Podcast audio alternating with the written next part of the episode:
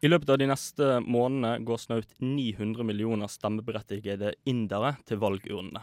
Valgkampen er godt i gang, og ut ifra dagens meningsmålinger ser det ikke ut som at det blir noe regjeringsskifte. Men hva er forskjellen på toppkandidatene til jobben som leder av verdens største demokrati? Med oss til å besvare dette har vi Geir Heiastad, førsteamanuensis ved Institutt for kulturstudier og orientalske språk ved Universitetet i Oslo. Velkommen. Takk, takk. Du, 900 millioner eh, stemmeberettigede mennesker. Det er mer enn hele Europas befolkning, det. Ja, Hvordan gjør de hele dette valget sånn rent praktisk? Rent praktisk så deler de opp. Altså det er ni valgrunder som begynner neste uke. Og så har de uh, siste valgrunde uh, i, uh, i mai. 12. mai. Sånn at da er det ja, det er totalt sett en par tusen kandidater de skal velge mellom. Altså Det er 200 partier som stiller til valg.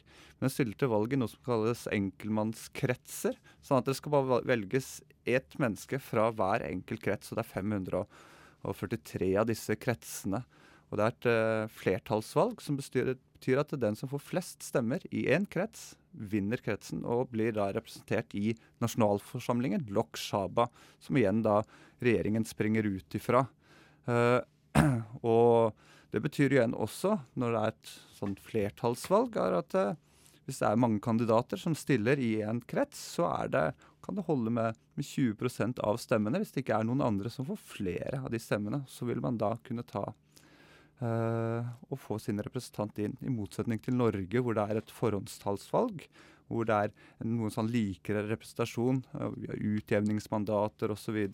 Her kan man med, med 35% av stemmene eksempelvis ikke sant, få en majoritet. eh, mm. Er er det på en måte et system som fungerer, eller blir det fort kaos? Det er et system som fungerer. Altså, en av grunnene til at de har brukt dette systemet, som de har egentlig arvet fra britene, er for å skape en uh, form for stabilitet. Fordi eh, det er de små partiene som lider litt under dette systemet. Det er de store partiene som tjener på det i utgangspunktet, men målet er å skape stabilitet. 5000 kandidater, 200 partier. Der finnes langt flere partier altså i India. Altså, målet er å få et styringsdyktig alternativ. ikke sant? Du må få en slags eh, eh, nok folk fra samme parti til å kunne styre dette. Samtidig så blir det ingen partier som får lengre et flertall, en majoritet i India. Sånn at de inngår i koalisjoner og danner grupper. Og av dem finnes det tre-fire store grupper. Om noen av dem igjen vil få en majoritet til slutt, det, det vet vi ikke. Eh, Sittende statsminister eh, Manmohan Singh eh, fra Kongresspartiet han varsla at han vil gå av etter valget. Eh, og de stiller ikke engang med en ny kandidat. Men hvem er det som, er det som kan bli hans avtaker? Nei, det som skjer nå er at uh, Manman Singh, som har vært eh, statsminister i ti år, ganske lenge, han begynner å bli en gammel mann, uh, har sagt at han ikke uh, vil bli statsminister hvis Kongresspartiet og deres koalisjon vinner valget. Men de har da en kommende kandidat i Rahul Gandhi, som er eh, del av dette Nehru Gandhi-dynastiet. Eh, og alle forventer at hvis den vinner, så vil han på en måte bli statsministerkandidaten. Hvorfor er det akkurat uh, Raoul Kandi de setter Fordi han er en del av eh, arven av et dynasti og en del av en tradisjon da, som springer tilbake til eh, uavhengighetskampen. Eh, og på den måten der så representerer han eh, India på en måte. Eh, har en litt sånn overordnet rolle, et symbol. Men han eh, vil dem ikke peke ut som kandidat fordi de regner med å, å tape, egentlig. Og de vil ikke da at Rahul Gandhi sin liksom første store kamp eh, skal gå inn og, og bli en taper og få dette taperstempelet på seg. Så det, det, er, eh, det er ganske merkelig å ikke stille med en så uh, klar statsministerkandidat. Motparten har jo statsministerkandidater uh, Men det ligger en klar strategi bak, da? Altså. Jo, det gjør jo det. Altså, dette er jo ikke tilfeldig. Dette, men det er, eh, mm, det er Det er litt merkelig. Og det er mange som Altså, dette er jo også noe som diskuteres hele tiden. Mm. Og en av kongresspartienes største konkurrenter er det hinduistiske og nasjonalistiske oppos opposisjonspartiet eh, BIP.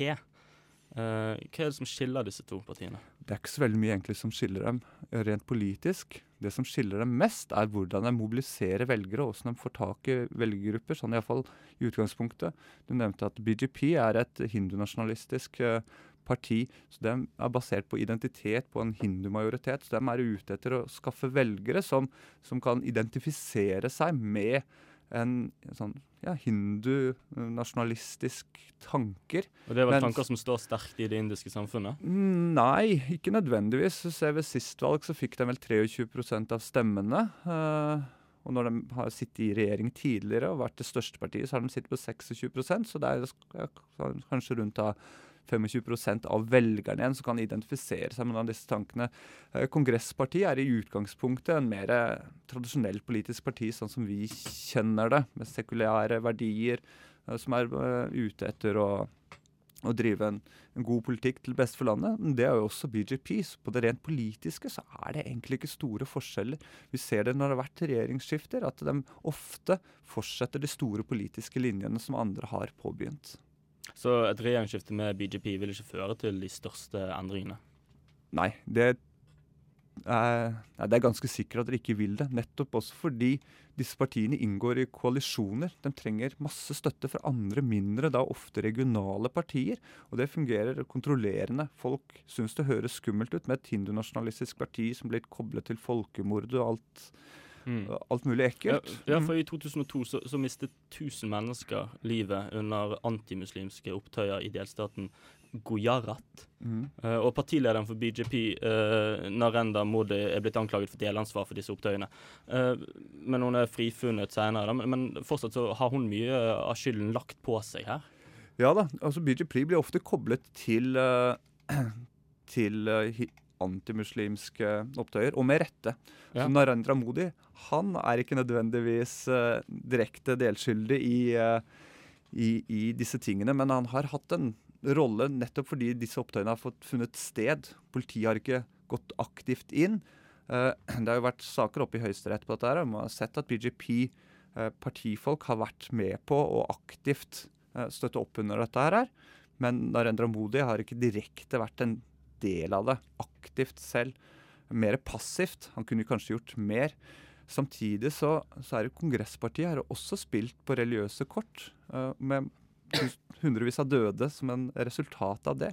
De har også prøvd å få tak i velgere ved å støtte noen religiøse grupper.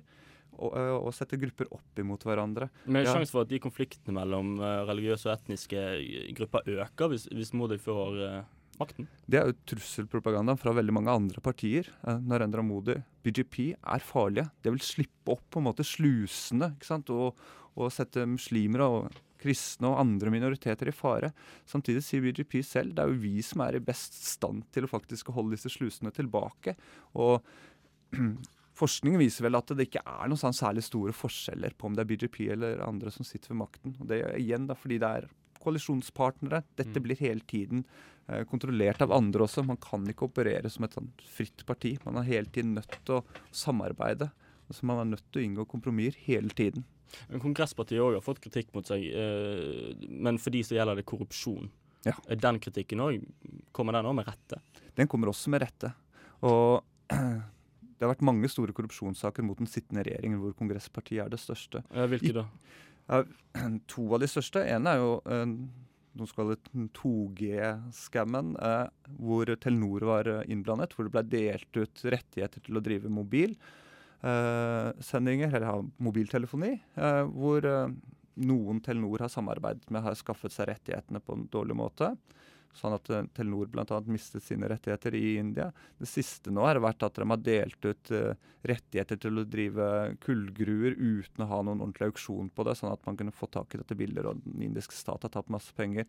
Hvor ministre har vært innblandet. Samtidig så har man jo også i India et eh, relativt uavhengig rettsvesen som begynner å i økende grad å slå ned på dette her. Altså det finnes korrektiver der. Men det er jo, dette er sammen med en slags regjeringstretthet, at folk er lei de samme gamle politikerne, en av de viktigste grunnene til at kongresspartiet blir kasta nå. Helt til slutt, hvor sannsynlig tror du at det er at vi får et regjeringsskifte? Mm, Veldig stor sannsynlighet. Og Svaret får vi 16. mai, eh, og da får vi òg vite hvem som blir valgets vinner. Og Opplysningen 99,3 kommer tilbake til eh, India da. Takk for at du kom i studio, Geir Heierstad, Heiastad, førsteamanuensis ved Institutt for kulturstudier og orientalske språk ved Universitetet i Oslo.